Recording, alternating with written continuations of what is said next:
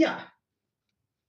Äh, Rågen som ni alla vet, vi kan ta det tillbaka här ännu så kan ni, om någon av er inte skulle ha tänkt på det, så det är ju alltså ett gräs, vilket man ser på de här axlarna här.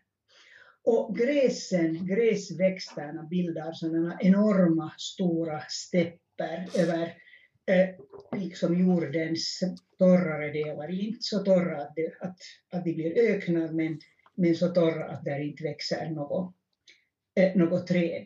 Och här har då gräsen utvecklat sig till en, en verklig sån här biologisk vinnare och spritt ut sig över världen. Men eh, de har ett problem. Om det växer så här fruktansvärt mycket och lätt tillgängligt av en viss växt som är full av näring så blir den förstås mycket snabbt lätt uppäten. De har helt enkelt gjort sig för bra för sitt eget bästa. Och på grund av det så har de måste också försvara sig mot alla gräsätare. Och det här har lett under revolutionens gång till en slags kapprustning så att eh, gräsen har, har liksom lagrat in en massa kisel i sina strån så att eh, djur som försöker äta dem, eh, som ska slita tänderna hos de djur som försöker äta dem. Eh, nu ser jag att här är en som, en, en som, någon som vill fråga, varsågod gärna. Eller var det bara en, en gammal hand? Okej, okay. då fortsätter vi. Så det pågår alltså en kapprustning och den här kan man bland annat se till exempel på hästen. Här ser ni en hästskalle och ni ser de här väldigt långa tänderna de har. Skulle det vara en älgskalle så skulle den ha bara lite, ungefär så små rötter som vi har, för älgar äter, äter blad och, och, och kvistar och sånt som är liksom mindre svårt att tugga. Men hästar, för att inte svälta ihjäl på sin ålderdom, så måste de ha sådana väldigt långa tänder som an efter växer ut när de, när de slits. Och det är, och det är då förstås deras motdrag mot att gräsen har lagrat in kisel för att göra sig hårda och otrevliga att äta. Och det här har jag alltid då bland annat säkert undervisat Tara om någon gång för länge sedan. Men, men, men nu när jag skrev den här så insåg jag att det här finns en, en, en, ett problem. Eh, nämligen gräsväxterna utvecklades mycket tidigare, många miljoner år, många tiotals, till, ja, tiotals miljoner år åtminstone, eh, före de stora gräsätarna. Så för vem, vem har de alltså försvarat sig mot? Och det här ser man att, vi återkommer att nu kommer vi till insekterna. För de, till de, växt, till de äh, djur som enbart lever på gräs hör unga gräshoppor. Och, och gräshoppor, eh, de, de äter gräs och deras tänder slits ner men efter det vi har den specialtalangen att när, för att kunna växa så måste de ömsa skav. Så då får de varje gång, flera gånger under sin uppväxt, får de nya fina tänder som de kan fortsätta att äta gräs med. Och sen när de har vuxit sig fullvuxna så då övergår de till annan mat. Så gräshoppor och gräs är en sån här fantastisk kombination som är ut, som har liksom båda anpassat sig till varandra. Och så kan man ju kanske komma ihåg att vi talar om stora gräsätare och tänker på gnuer och, och antiloper och giraffer och sådana, nej inte giraffer men gnuer och antiloper. Men också vi är faktiskt gräsätare. Eh, därför att av, av mänsklighetens, det som föder mänskligheten så består minst 60 procent av tre gräs, vete, ris och majs.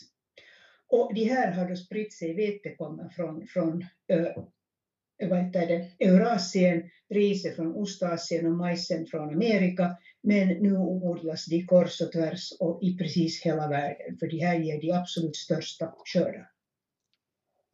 Sen finns det en massa andra sädesslag också, till exempel korn som huvudsak odlas jättemycket, men huvudsakligen som foderväxt och som råvara för olika alkoholdrycker.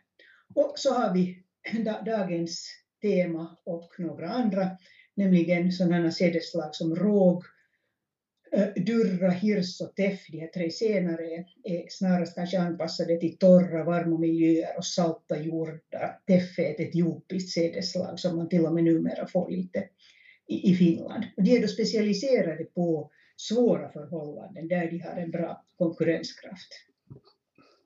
det som vi har förlorat när vi har börjat äta sådana vi har, vi har förädlat Eh, våra sädesslag, vi har fått mycket, mycket högre skördar än tidigare, men vi har förlorat den här lokala variationen, de så kallade lantsorterna som förut kallades för lantraser, eh, som var anpassade till vissa speciella eh, miljöer och som växte bra just där.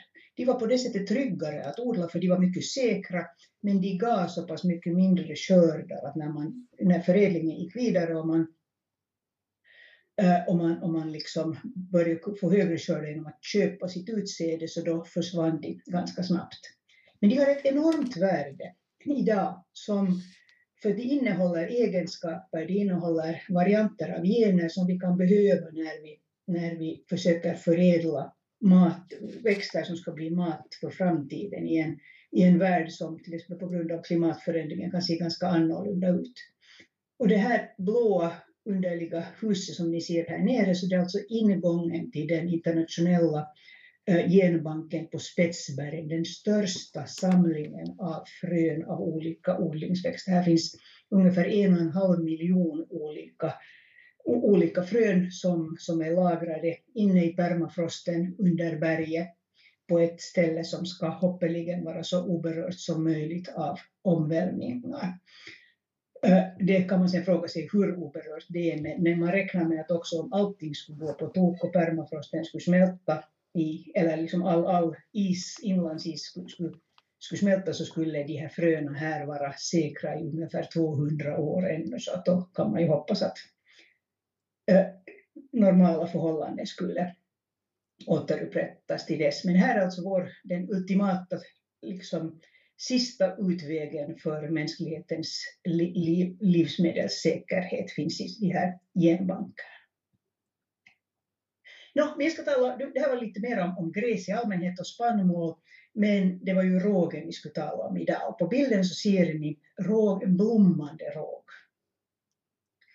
Äh, rågen har mycket, en mycket tydlig blomning och den är en växt som som, som har det som vilda växter har, nämligen korspollinering. Alltså ståndarna på en, ett råg, en rågblomma befruktar inte pistillerna på sig själv utan de måste vara, de måste, pollenen måste flyga till andra växtindivider. Vete till exempel är en så gammal odlingsväxt och där har man tagit tillvara sådana mutationer som befruktar sig själv vilket betyder att om man odlar en slags vete så är det alltid samma som växer upp. Medan rågen den skickar ut sitt pollen i världen och den tar emot pollen från andra områden. Därför är det mycket varierande. Och det här rågen ryker syftar på rågens blomning i början av sommaren. När I områden där man odlar mycket råg så är luften helt gul under den tiden. Eh, men den här korspollineringen gör just att rågen är jättebra på att anpassa, snabbt anpassa sig till lokala förhållanden. De strån som alltså lyckas klara sig så de befruktar andra strån i samma område.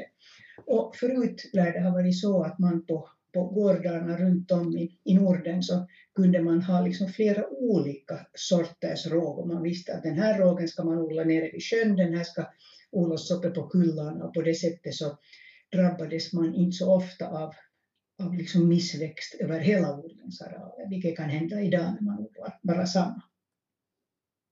En annan sak som är otroligt bra för miljön med rågen är ju att den är en, en höstsådd gröda, vilket betyder att man sår den redan på hösten och så hinner brodden växa upp. Jorden ligger alltså inte bar under hela vintern och det minskar av urlakningen av, av näringsämnen och erosionen av jorden. Det här är förstås sen ett problem om snötäcke uteblir, om man har sådana vintrar som vi har ibland, att det plötsligt mitt i vintern har vi en varm period och, och, och snön förvandlas till ett istäcke, då dör den här unga rågen, den brodden, i, i isklara den inte av. Och därför har, har rågodlingen under senare år stött på många problem och vissa odlare har helt förlorat allt det de har sått på hösten och det är ju inte annars heller så lönsamt så det har varit en mycket, mycket svår sak. Men faktiskt tror jag nu förra året så hade, hade man fått en riktigt bra rågskörd. Men just för att, för att de här problemen som vi, som vi liksom står inför med spannmålsodlingen så skulle vi just behöva de här gamla sorterna som har olika egenskaper som man skulle kunna utnyttja. Nu rågen Eh, jag vet inte hur bra ni är på, på det här med att känna igen sädesslag, antagligen känner, och, om, om, men, och jag kan ta en riktigt snabb genomgång om, om det skulle vara någon som lite har glömt. Vi har ju de här fyra vanliga sädesslagen hos oss. Vi har vete, havre, korn och råg. Och havre är ju lätt, det ser man på alla grötpaket, det är den där slimsiga vippan som, som inte, inte är ett sådant ax utan den ser mer ut som något annat gräs. Och vete ser, har sådana ax men de har inga, inga sådana borst. Det ser ganska naket ut. Så har vi råg och korn kvar. Och om ni tittar på den här bilden som föreställer råg så ser ni att där är de här borsterna är liksom, de, de är olika långa. Det vill säga alla borster är lika långa men de växer från olika delar av axeln. Medan hos korn, det ser sådär militäriskt ut, för där växer de liksom upp till en lika hög, de, liksom växer, de ser ut som de skulle vara avklippta med en sax i, i övre ändan, medan rågen har sina borst lite, de, de, de spretar åt alla håll. Och eh, varför har då sådana här sädesslag borst? Jo, det fick jag faktiskt lära mig av en av mina kollegor som är, är som månskensjordbrukare. Han sa att hans pappa berättade att när, när pappan var ung så var vete, det vete som de odlade hade också borst. Och då gick inte älgarna till exempel och åt det, för det sticker i munnen. Medan nu när man har förädlat bort de där borsterna så blir veteåkrarna mycket lätt ätna av hjortar och älgar. Så borsten är helt enkelt ett sätt för gräsen, för de här sädesslagen att göra sig otrevliga för sina fiender utom att lagra in kissen. Varför har då rågen blivit en sån stor sak just i Norden? På den här bilden ser ni en, en, det är då en, en tavla av Kasper Järnefelt från 1882 och ni ser de här åkrarna som då huvudsakligen var råg. Man ser de här kylarna och det var det här som befolkningen levde på. Varför man började odla råg i Norden handlar om det att egentligen jordbruket i, i Europa och Asien börja i den så kallade fertila halvmånen i Mellanöstern. Och det man främst ville odla var, var vete och korn. Och när jordbruket spred sig mot väster och norr så hämtade man med sig sina odlingsväxter i form av utsäde. Och an eftersom klimatet förändrades, det blev kallare, det blev fuktigare, så växte vete allt sämre. Kornet växte nog ganska bra, eh, men det gav, gav inte så bra skördar. Så an efter som, som jordbrukarna som försökte odla vete vandrade norrut och västerut eh, mot Norden, så växte vete bara sämre, medan de ogräsfrön som fanns med i deras påsar, nämligen råg som hade växt som ett ogräs i västveteåkrarna, så det växte bara bättre och bättre. Och till sist i något skede så så insåg man att okej, okay, vete är nog godare men om det inte växer så äter vi väl råg då istället. Uh, no. Ja, uh, rågen har varit på alla ställen. Den, tidigare åts den nästan i hela Europa, inte i England men i Frankrike, Tyskland, där äts det fortfarande, Östeuropa. Men överallt så har den varit en slags fattigmansmat. Vete har varit liksom, det är ju det där det där vackrare, bulligare brödet. Det är lättare att baka med, men, men där var, eh, var man haft lite sämre förhållanden så har rågen vuxit bättre och därför har man ätit av den. Och eh, just det att den, den är tåligare och den här övervintringen gör att den, den klarar, klarar bättre våra förhållanden än vete som en sån här mera primadonneaktig eh, växt. Eh, det som vi nästan har glömt att fanns är det som var en av Finlands stora fördelar under flera hundra år, nämligen svedjerågen. Eh, svedjerågen såg ganska annorlunda ut än den moderna rågen. Den växte i stora tuvor, ett enda eh, rågkorn som man sådde kunde ge upphov till flera tiotals stänglar. Varje stängel hade sina Eh, sina, eh, hade liksom många frön som man kunde få liksom hundrafalt eller till och med mera eh, liksom skörd av det man, man sådde. Och I Finland fanns det lite människor, det fanns stora skogar och därför var den här svedjebruket höll på här längre än någon annanstans i Europa. Den här tavlan känner säkert alla igen, den heter Trälar under penningen, på finska raatajat rahanalaiset. Det som färre vet är att raataja inte, det betyder förstås träl, men det betydde också svedjebrukare, det var ett gammalt ord. Och ni ser, på den här, ni ser en, en tecknad bild här som är ritad av min dotter. Den är ritad efter ett foto av, den, av modellen till flickan som ni ser målar mitt på tavlan. Och som ni ser så var den här Eero Järnefelt, han var Tolstojan och han var mycket liksom för att folket skulle få det bättre och den här tavlan är liksom en propaganda mot det hemska svedjebruket och mot fattigdomen. Och ni ser den här flickan som heter Johanna Kokkonen, man vet hon var lillpiga i gården där, där Järnefelt bodde. Och hon hade kommit, hon var finklädd, hade kommit, eh, kommit med, med kaffe åt konstnären och svedjebrukarna. Och till hennes förfäran så tyckte konstnären att hon skulle bli en bra modell. Så han förstörde hennes fina frisyr, drog ut de noggrant flätade håren, han, han sotade till hennes ansikte och och, och smutsade hennes, hennes blus. Hon var mycket ledsen så att den här lidande minen ni ser på tavlan, den är, den är äkta.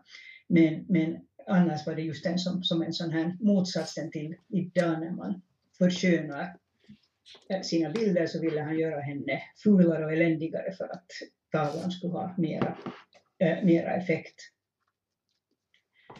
Äh, Svedjebruket var faktiskt en, en, en, en vi har alla lärt oss i skolan att det är ett förfärligt skogsslöseri och det är det ju också. Men äh, jag ska läsa den här citatet av socialisten Edvard Gylling publicerat i tidningen Folktribunen 1909 och han skriver, så länge det var gott om skogar och svedjemarker synas såväl bönder som torpare och inhysingar med hjälp av det givande svedjebruket ha fört en ganska sorglös, ja till och med maklig tillvaro. I sydvästra delen av landet, liksom i Sverige, hade redan tidigare det ordentliga jordbruket undanträngt svedjande och sköttes med hjälp av lägda tjänare som torpares dagsverken. Detta ansågs som den bästa brukningsform, vilken bäst befordrade både samhällets som det enskildas bästa. Det var alltså ej att undra om det extensiva svedjebruket i Savolax var en nagel i ögat för dem som ivrade för ett intensivare brukningssätt. I synnerhet kunde man ej försona sig med torparnes och inhyssingarnes svedjande, vilket tillät dem att föra ett oberoende liv utan att skäligen behöva anstränga sig så som motsvarande befolkning i övriga Finland med det tunga dagsverksarbetet. Härigenom berövade storjordbruket åter sin arbetskraft sitt nödiga existensliv.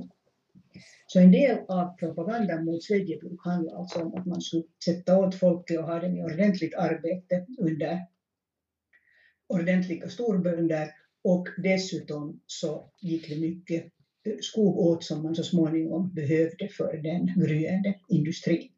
Men alltså så länge det fanns lite människor, mycket skogar, så var svedjebruket på något sätt ett sätt för människor att leva ett lite bättre liv i det här landet där det inte var så hemskt enkelt att, att leva bra. Och att en socialist säger att att de här svedjebrukarna förde en ganska sorglös till en maklig tillvaro och kanske lite att ta i. Eh, precis samma eh, liksom insikt som när våra förfäder märkte att det är bättre att odla råg än vete, här var rågen växer bättre, så finns också i Centralasien. Det finns ett gammalt uttryck i Afghanistan som säger att i bergen blir vetet råg, det vill säga när man går upp, det blir kallare och det blir, det blir snöigare så växer, äh, växer äh, rågen bättre än vete och där odlar man den också. Den som redde ut odlingsväxternas urhem och hemtrakter var en fantastisk forskare, Nikolaj Ivanovich Vavilov. Eh, han levde i, född i slutet av 1800 levde eh, i, fram till 1943 där han svalt ihjäl i ett av Stalins fängelser. Men hans stora mål, han försökte liksom förbättra odlingsväxterna, bekämpa svälten genom att få bättre skördar. Och då tänkte han sig just det att, han, att genom att hitta de här eh, ursprungliga hem, odlingsväxternas ursprungliga hemtrakter så skulle man få den här genetiska diversiteten som behövs för att kunna eh, ta fram avkastande sorter. Så han var faktiskt först med idén om de här fröbankerna som, som jag började med. Och jag har skrivit mycket om, om honom och hans intressanta men otroligt sorgliga öde i den här boken. Nåja, eftersom ni nu är måltidsakademi så tänkte jag att jag kan inte bara ha, ha biologi och historia här så jag har, ska den här senare delen av föredraget ska, ska fokusera på, på rågen som måltid. Och jag börjar med att citera Plinius den äldre, cirka 80 efter Kristus, som skriver så här. Folket i Taurinum vid Alpernas fot kallar Sekale för Asien. Sekale alltså är, är namnet, det romerska namnet på råg, den hette ju Sekale cereale på latin fortfarande. Uh, sekale är ett mycket undermåligt spannmål som äts ända då svälten står för dörren. Det växer bra, men stråna är ynkligt tunna. Dessutom är brödet svart, dystert och extremt tungt. Ingen, ingen det är lite som när Berlusconi inte ville ge vad heter det, Livsmedelsverket i Finland för att vi inte känner till vad det nu prosciutto eller vad det var vi inte kände till. Eh, rågen är alltså lite sådär som den finska tangon. Den är dystert och extremt tungt men den är mycket populär just här. Orsaken till att det är så svårt att baka med råg är ju bland annat det att det nästan inte innehåller något gluten. Istället har det olika sådana kolhydrater som bildar långa kedjor, de kallas arabinoxylaner. Och med hjälp av eh, surdeg så kan man få en viss gasutveckling inne i brödet som sen hålls kvar av de här arabinoxylanerna och därför får man brödet att jäsa lite också om det inte, inte har gluten. Det här tyvärr har det ju ändå lite gluten så att är man glutenintolerant kan man ju inte, inte heller äta, äta rågbröd men ofta kan också det beror på att de flesta rågbröd har ett litet inslag av vete och då blir det ju helt förstört. En annan sak som gör att rågbröd är så nyttiga är ju att de, i, åtminstone i Finland, eh, så gott som alltid vad jag nu har kunnat se är, så görs rågmjöl, det är liksom fullkornsmjöl. I Sverige säljer man rågsikt och sånt som, kan vara, som är, mera eh, slipat och följaktligen mindre näringsrikt. Och där när man syrar brödet och så så gör man, man tar ner pH, vilket gör att svampar, till exempel mögel, har svårare att klara sig. Så därför är rågbröd så jätte, jättehållbart. Och förut när man bakar bröd några gånger per år och hängde upp det så här under taket i sådana kakor som ni ser på bilden, så när det väl har torkat ordentligt så finns det mycket lite som, som kommer åt det. Och i taket hängde man det för att inte mössorna skulle få tag i det. Sen måste man förstås blöta, blöta upp det för att inte söndra sina tänder, men, men det är ett mindre problem. Äh, Surdegen är en sak som säkert många av er är minst lika bra som jag på, men, men jag tycker att den är så, så spännande och den här biologin i en surdeg, där finns det mycket att, mycket att säga. Äh, jag trodde länge, eller förut så trodde jag att, att det var helt enkelt mjölksyrebakterier som bildar som, som, som finns i en surdeg. Och där finns mjölksyrebakterier, men det finns också många andra slags bakterier. Och där finns dessutom ungefär 10 procent som finns där, liksom naturliga gästsvampar. Så det är en, det är en, en special, speciell och mycket varierande mix av olika mikroorganismer. Och tillsammans så skapar de en sån miljö som är så sur och har sådana förhållanden att bara de själva kan leva i den och de håller andra på avstånd. Och därför eh, så, så, så blir brödet så hållbart. Samtidigt som de förändrar de här kolhydraterna som finns i, i mjölet, de bryter ner dem lite så gör det dem lättare för oss att bryta ner. Så att ett surbröd är liksom, man, man får, man vill säga att det är mera näringsrikt och det handlar helt enkelt om att de här, de här mikroorganismerna har gjort en del av arbetet på förhand så att vår matsmältning eh, har, har lättare att ta vid där de har slutat. Och det finns också en hela tiden pågår en intensiv lokal evolution. Eh, varje gång någon, man får en, en, en surdeg av en vän eller något sånt här och tar över den så, och, och börjar baka med den själv. Ni ser på den bilden ser ni min surdeg som, som jag har fått av en tidigare elev som hade fått den av en annan vän som sades ha stulit den från Ekbergs bageri. Så, och, och, den sades vara 160 år gammal och jag var jätteimponerad. Men nu har jag bakat med den i, tror jag, sex år ungefär. Och idag och antag, så, så, finns det antagligen inte hemskt mycket likheter mellan, mellan i mikrobsammansättningen i just den här surdegen och i Ekbergs. Därför att under de här åren så har den liksom anpassat sig till mitt kylskåp och mina händer och de här bakteriefloran som finns i mitt hem. Och den har också anpassat sig till mitt lata sätt, lättjefulla sätt att, att behandla den. Eh, I storbagerierna där man förstås ska få, allt ska ske så effektivt som möjligt, så matar man de här degarna hela tiden för att liksom de, de ska växa så mycket som möjligt. Det leder till att, att det är liksom de bakterier som är mest snabbväxande som, som liksom klarar sig bäst där. Medan i mitt kylskåp, som där de här deg, den surdegen kan stå i två veckor ibland, ibland till och med mer, medan, medan det ännu finns bröd som jag inte behöver baka, så är det säkert så att en del bakterier dör av svält så småningom. Om jag inte har matat den på länge så blir det ett sådant ättikskikt på så att en del dör säkert. Men de mest hållbara och så, så klarar sig.